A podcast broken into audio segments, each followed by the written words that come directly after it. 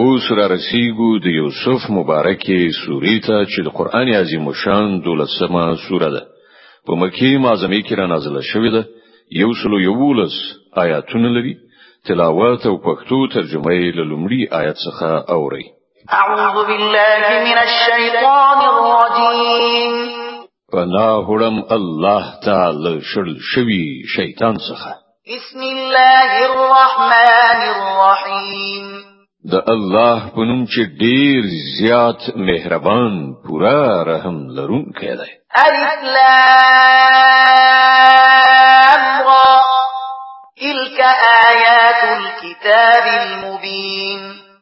الف لام را دا د هغه کتاب آیاتونه دي چې خپل مدعا ښکارا روښانه بیانوي إنا أنزلناه قرآنا عربيا لعلكم تعقلون مونږ هغه نازل کړی دی قران مو ګرځولای دی په عربي ژبه کې ترڅو چې تاسو عرب پر هغه باندې په ښه شان پوه شئ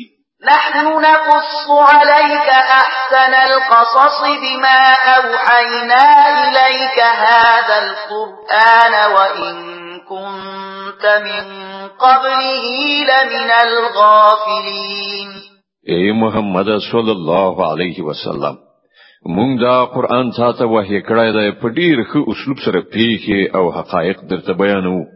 کنه مخکې لدی خو لدی شیانو نه بیخي به خبره وي اذ قال يوسف لأبيه يا أبت إني رأيت أحد عشر كوكبا والشمس والقمر رأيتهم لي ساجدين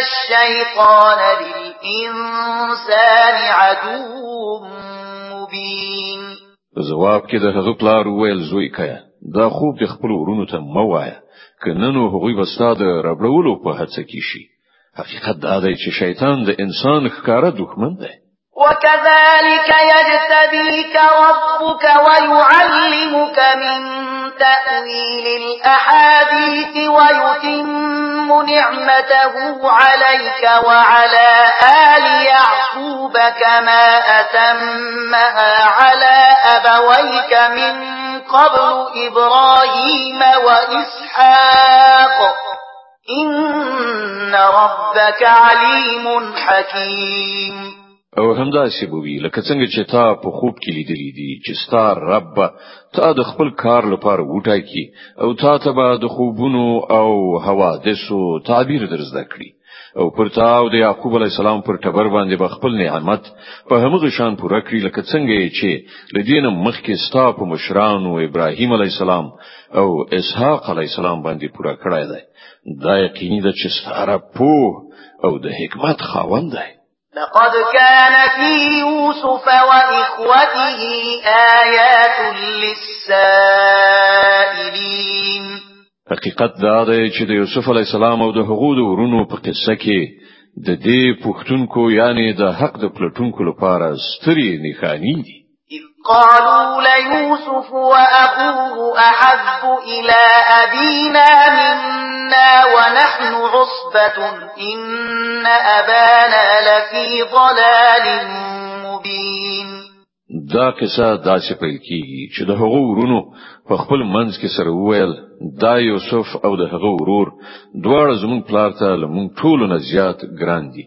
په داسې حال کې چې مونږ یو پوره ټولګی یو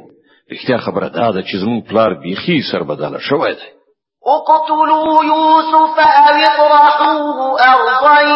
يخل لكم وجه أبيكم وتكونوا من بعده قوما صالحين زه یوسف وژنی یا هغه چیرته وغورځوي ترڅو چې ستاسو د پلار پاملرنه یوازې ستاسو لوري تر واوړي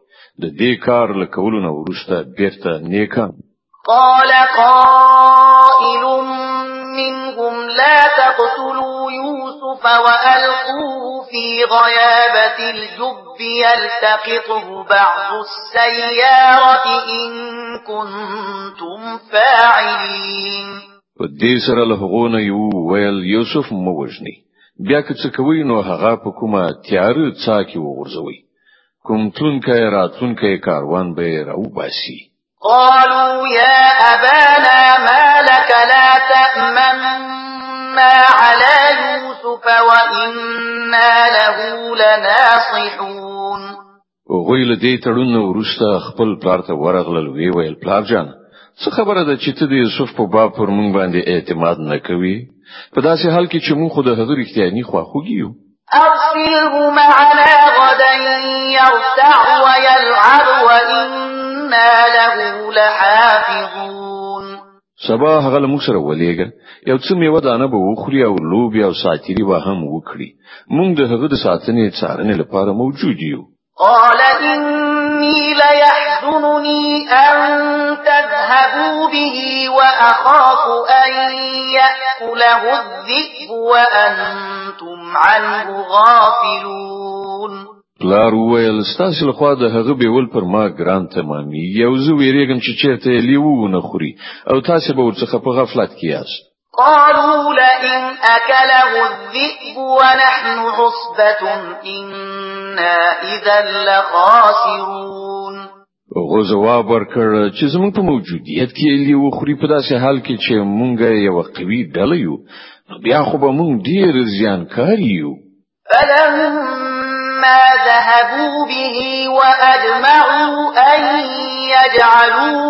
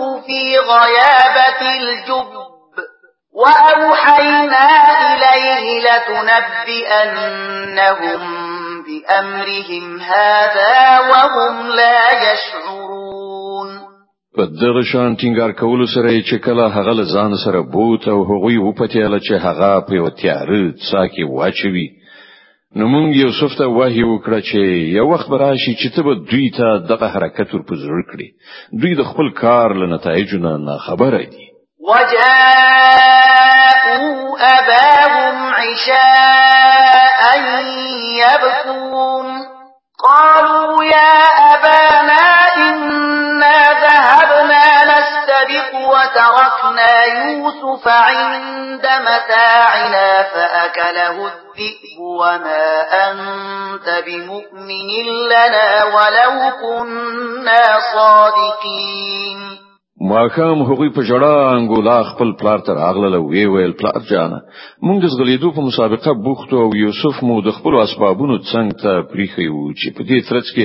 لیو راغی هغه یې وخوړ ته به زموږ په خبره باور نه کړې کوم رښتینی هم ووس وجاءوا على قميصه بدم كذب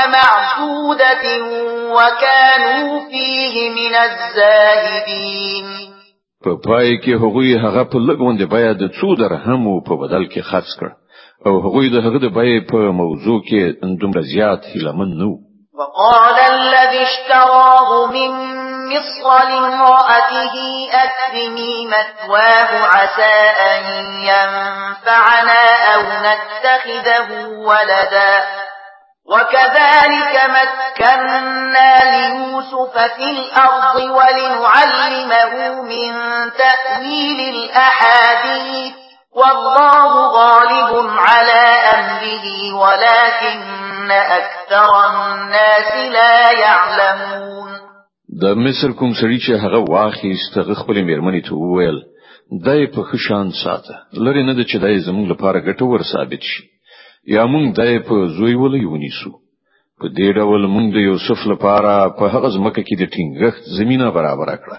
او په چارو باندې د پوهېدو او د خوبونو د تعبیر د ورزده کولو تنظیم وکړ الله خپل کار کوي او زیاتره خلک نه پوهیږي ولما بلغ أشده آتيناه حكما وعلما وكذلك نجزي المحسنين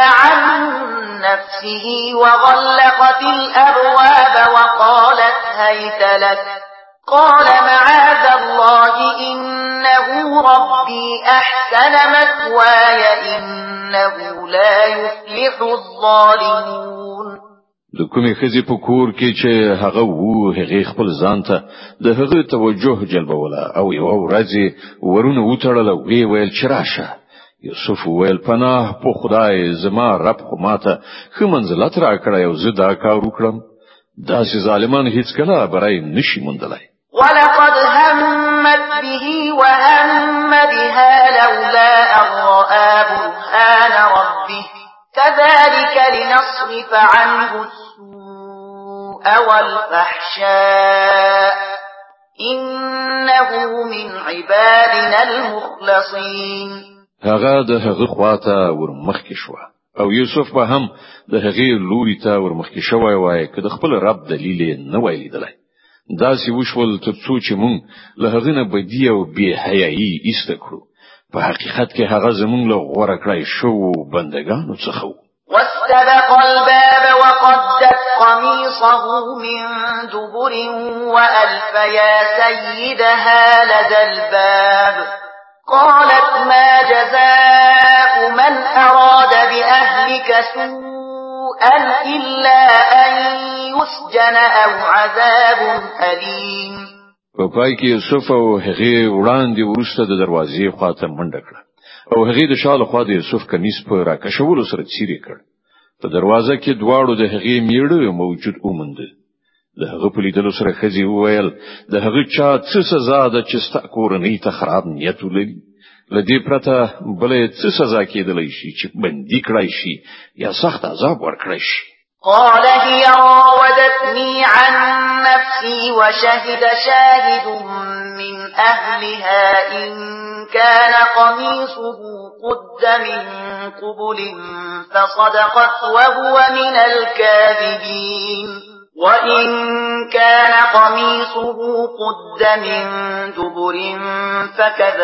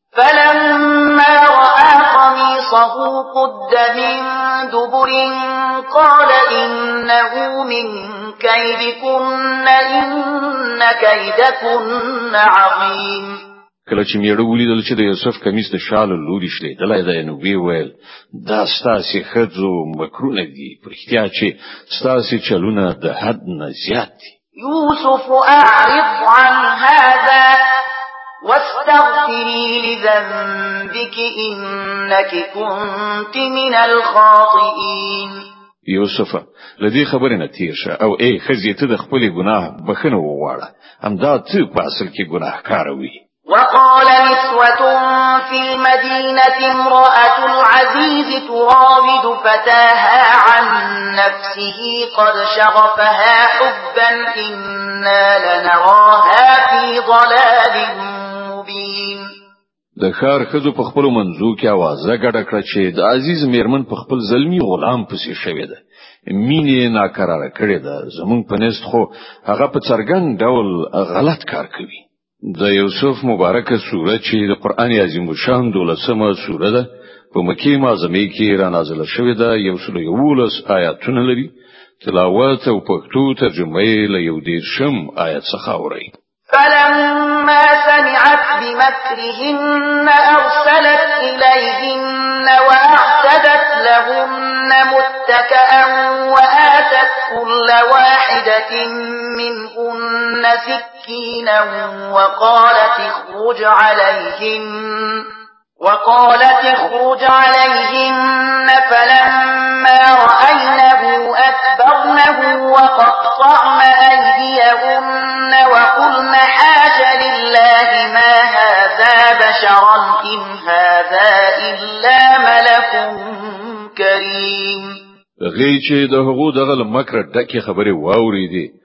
نو په هغو پسې استازی واسطه او د هغو لپاره د تکیه کولو مجلس جوړ کړ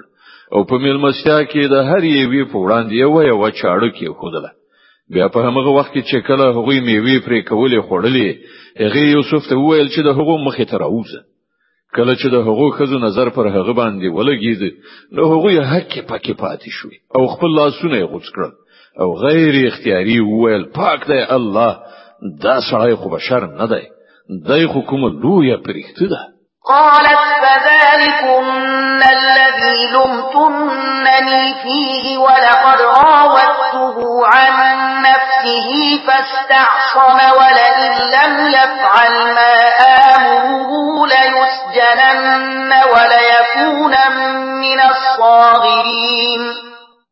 د عزیز مېرمنې وویل وګورئ دا د هغه څوک چې د هغه په باب تاسو په ما پورې خبرې کولې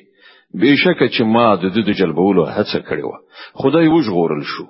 کدای زما وینا و نه مني نو بندي او ډیر ذلیل او خوار بکړای شي قال رب السجن احب الي مما يدعونني اليه والا تصرف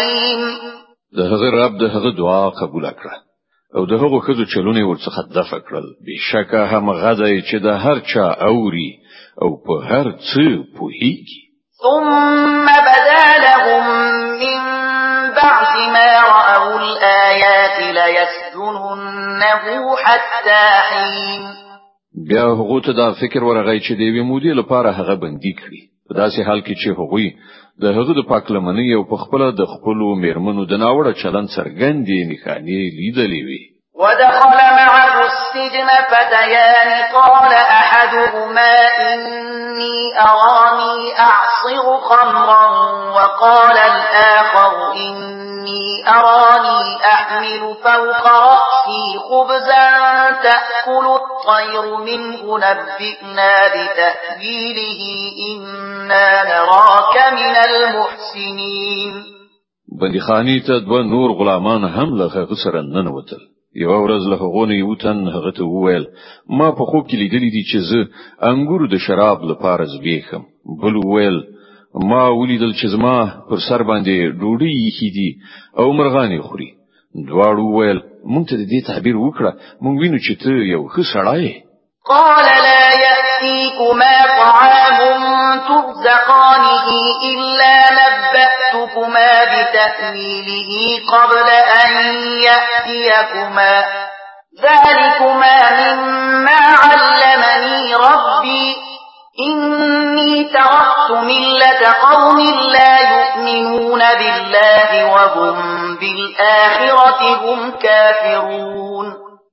یوسف ویل دلته چې کوم خواړه تاسو ته درکول کیږي د هغو راتګ نه مخکې به زه تاسو ته د دې خوبونو تعبیر وکړم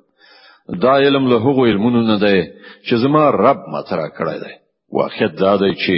ما د هغو خلکو تګلاره پریښې ده چې په الله باندې ایمان نه راوړي او له آخرت نه منکران دي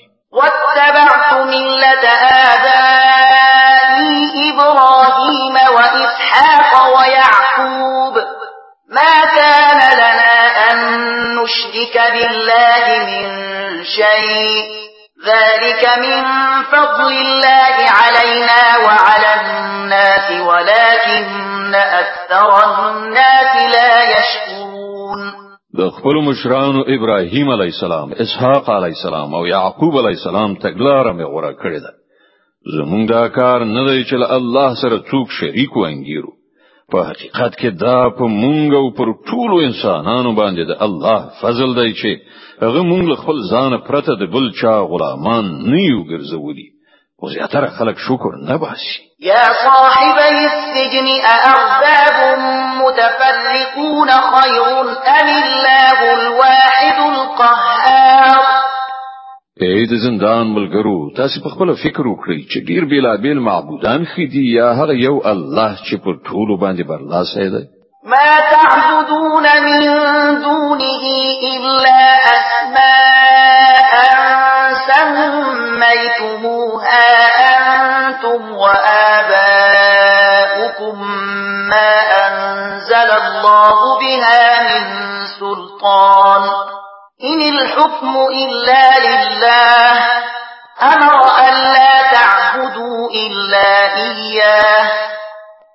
ذلك الدين القيم ولكن أكثر الناس لا يعلمون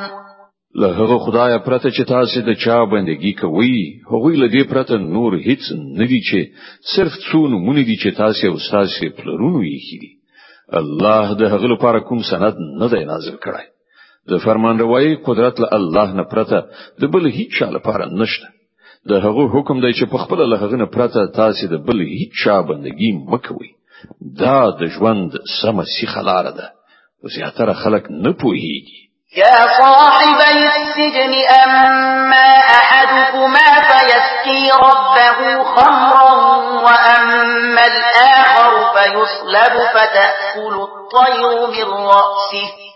قضي الامر الذي فيه تستفتيان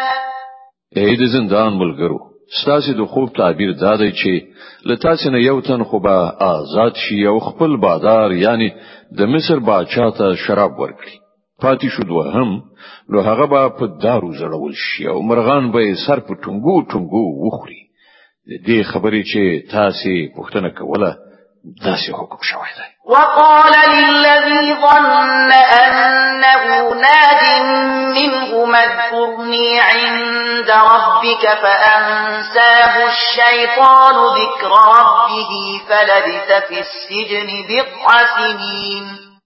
بیا له هغونه چې د چا په باب دا ګمانو چې هغه به خوشی کړای شي هغه ته یوسف وویل چې خپل بادار یعنی د مصر پاچا ته زما یادونه وکړه خو شیطان هغه داسې په غفلت کې وغورځاو چې هغه خپل بادار یعنی د مصر پاچا ته د هغه ور یادول هیر کړل او یوسف څو کاله په زندان کې پاتې شو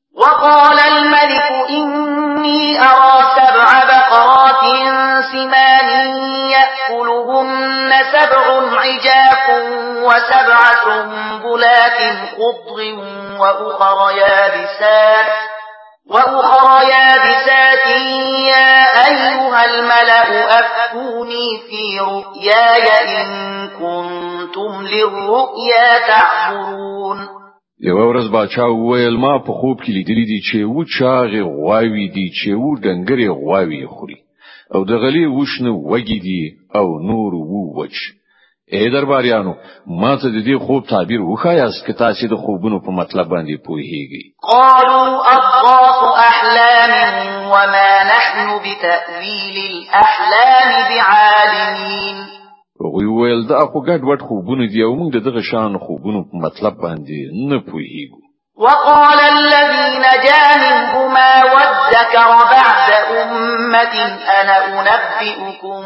بتأويله فأرسلون له هغو دوه تنو بندیانو څخه چې یو تن له زندان څخه ژغورل شوی وو او هغه ته له یوې اوږدې مودې وروسته اوس خبره ورپزړه شوه هغه وویل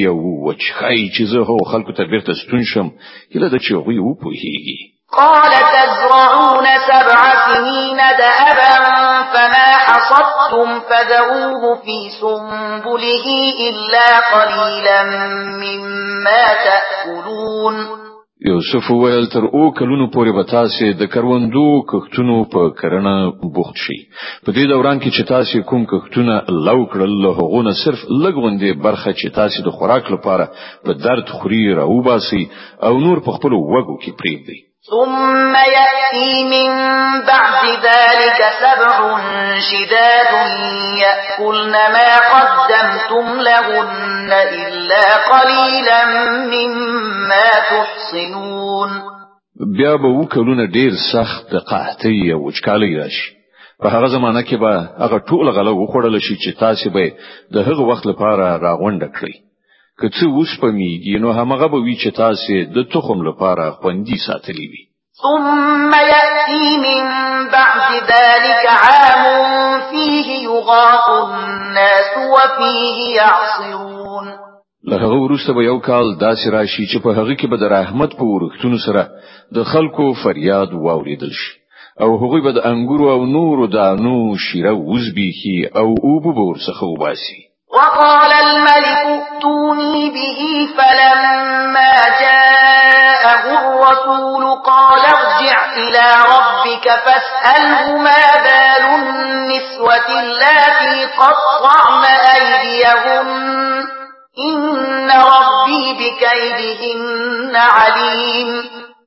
باچا ویل هغه ماته راولي خو کله چې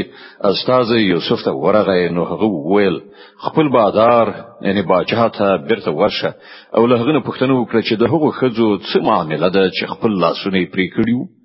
زما رب د هغو لمکارینه خبر دی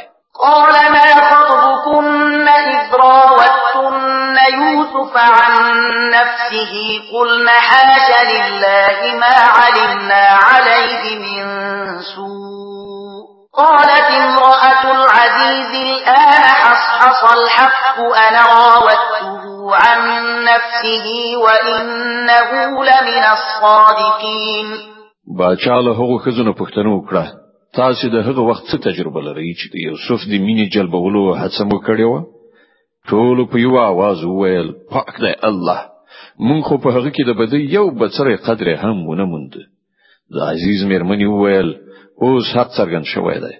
هغه خو هم دا زوم چې د هغه د مینې د راجلبولو هڅه مې کړې و بشک چې هغه بیخي ریښتونه دی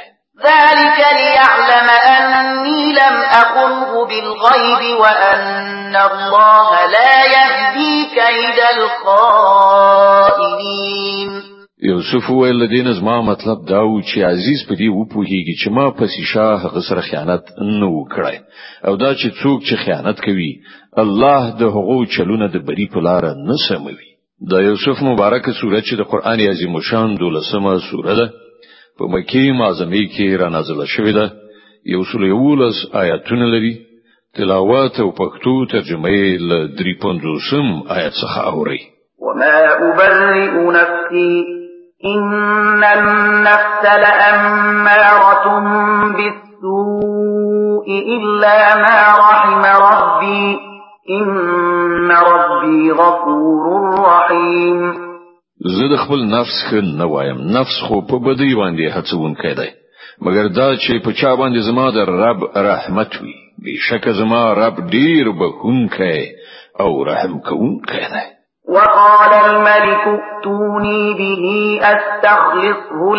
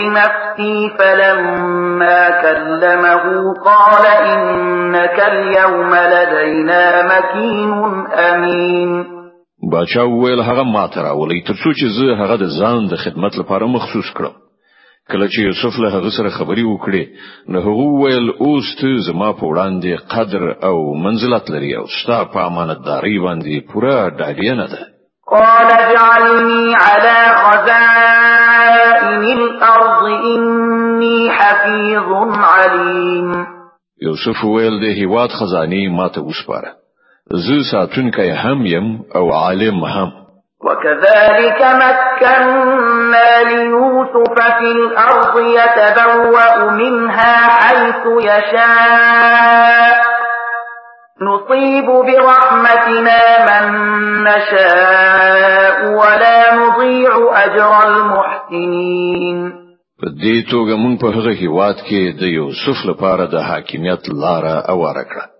د هغه خوخه و چې په هغه هیواد کې چې چیرته غوښتل ځان ته ځای جوړ کړي مونږ خپل رحمت شاته مو چې خوخه شي ور په برخه کوو د خو کسانو اجر له مونږ سره نه ځای کیږي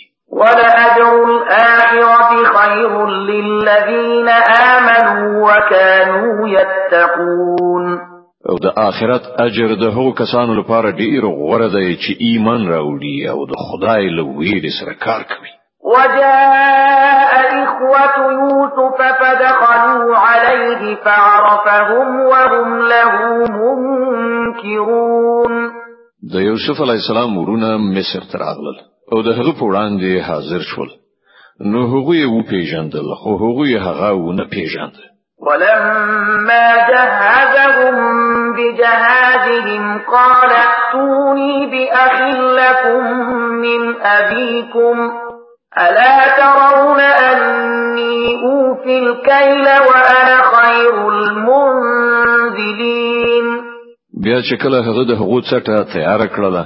نو د خوځیدو په وخت کې هغه ته وویل خپل میرانه ورور ما تراولې نو ګوري چې زه په څه شان پیمانه ډکه اړوم او څنګه میلمه پالنه کوم فإن لم تأتوني به فلا كيل لكم عندي ولا تقربون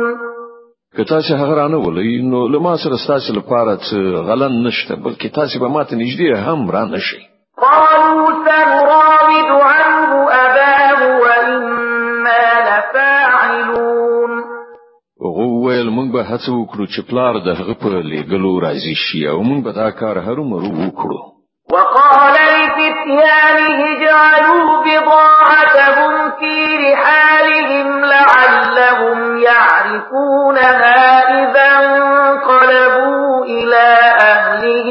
لعلهم يرجعون یوسف غلامانو ته اشاره وکړه چې دوی چې د غلی په بدل کې کوم مال ورکړی دی هغه په پټه د دوی په څټو کې کېږي دا کار یوسف په دې هیله وکړ چې هغوی به کور ته پر رسیدو سره خپل بیرته ورکړی شوی مال وپیژني یا به د دې پیرزوینې احسان سترګې ونیسي او کېدای شي چې بیا راشي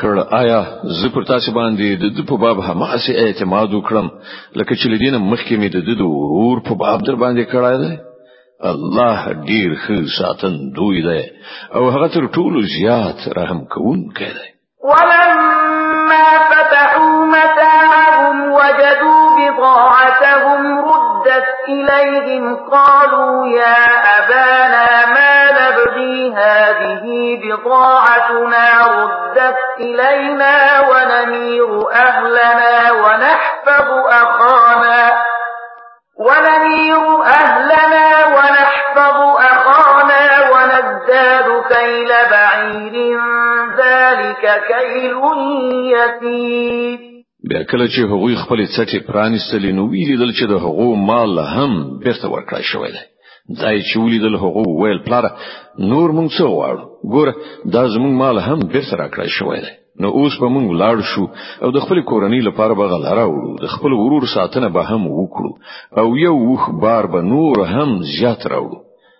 دغه غلبه په اسانۍ سره زیات شي قال لن ارسله معكم حتى تؤتون موثقا من الله لتأتونني به إلا أن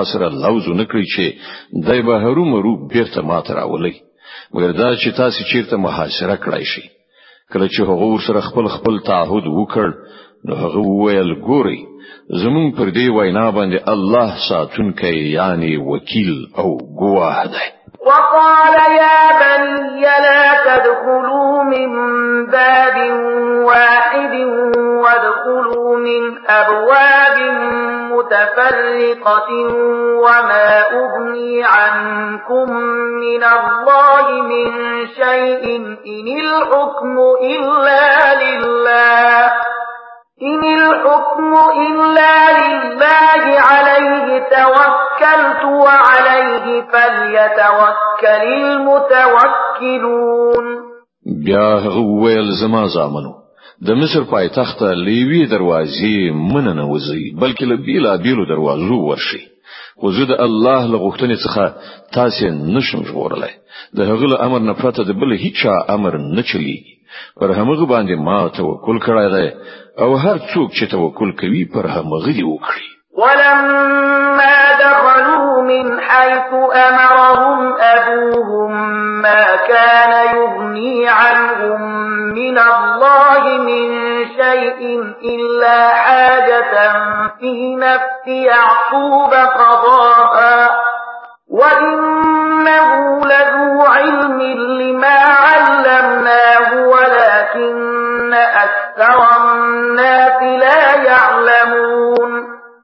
او پیښه هم دا وشوه چې کله هغوی د خپل پلار له لارښوونې سره سم خار ته له بیلابیلو دروازو نه ور داخل شول نو د هغه دغه احتیاطي تدبیر د الله د غوښتنې په مقابله کې هیڅ په درد و نه شو خړلای خو صرف د یعقوب علی السلام په زړه کې چې یو تلوسه و د هغې پوره کولو لپاره هغه تر خپل وسه هڅه وکړه بشکه هغه زمونږ د ورخودلی علم خاوند او زیاتره خلک د موضوع په حقیقت باندې نه پوهیږي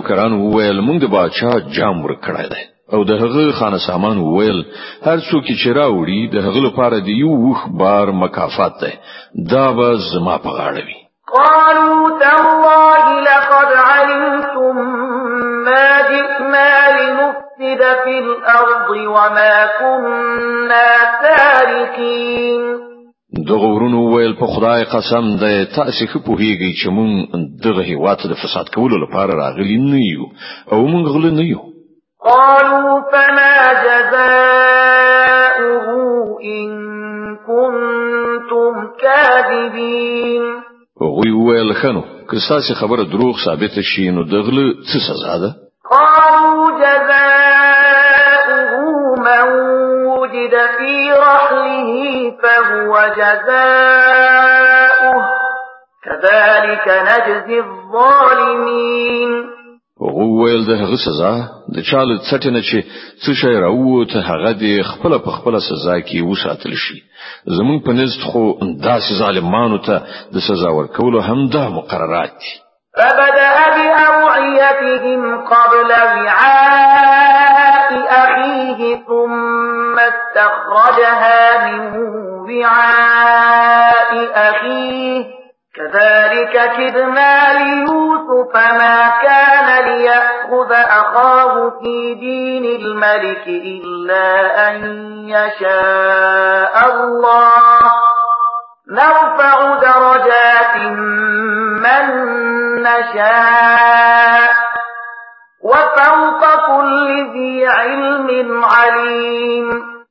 نو یوسف له خپل سکنی ورور نه مخکې د هغو د څټو په لټولو پیل وکړ بیا یې د خپل ورور له څټې نه ورک شوی شای په لاس راوړ په دې ډول موږ په خپل تدبیر سره د یوسف ملاتړ وکړ د هغه دا کار نه و چې د باچا په دین یعنی د مصر په پاچاهي قانون کې خپل ورور نیولای وای مګر دا چې الله هم دغه سی وغواړي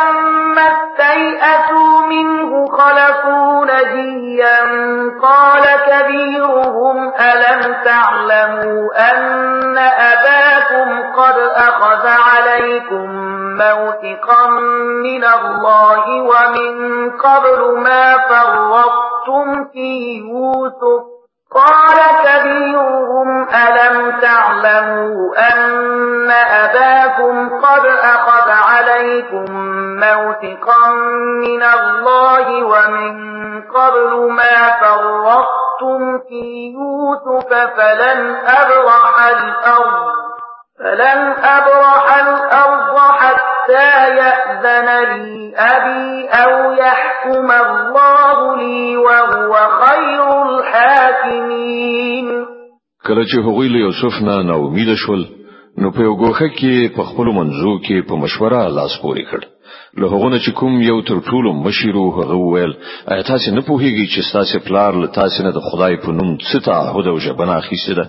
او لدین مخکې چې تاسو د یوسف په باب کوم زیاتای کړی دی هغه هم تاسو ته معلوم دی اوس خو به زل دې ځای هیڅ کله لاړ نشم تر څو پوری چې زما پلار ماته اجازه را نکړي او یا الله زما په باب څه فیصله ونه کړي چې هغه تر ټولو ښه فیصله کوونکی دی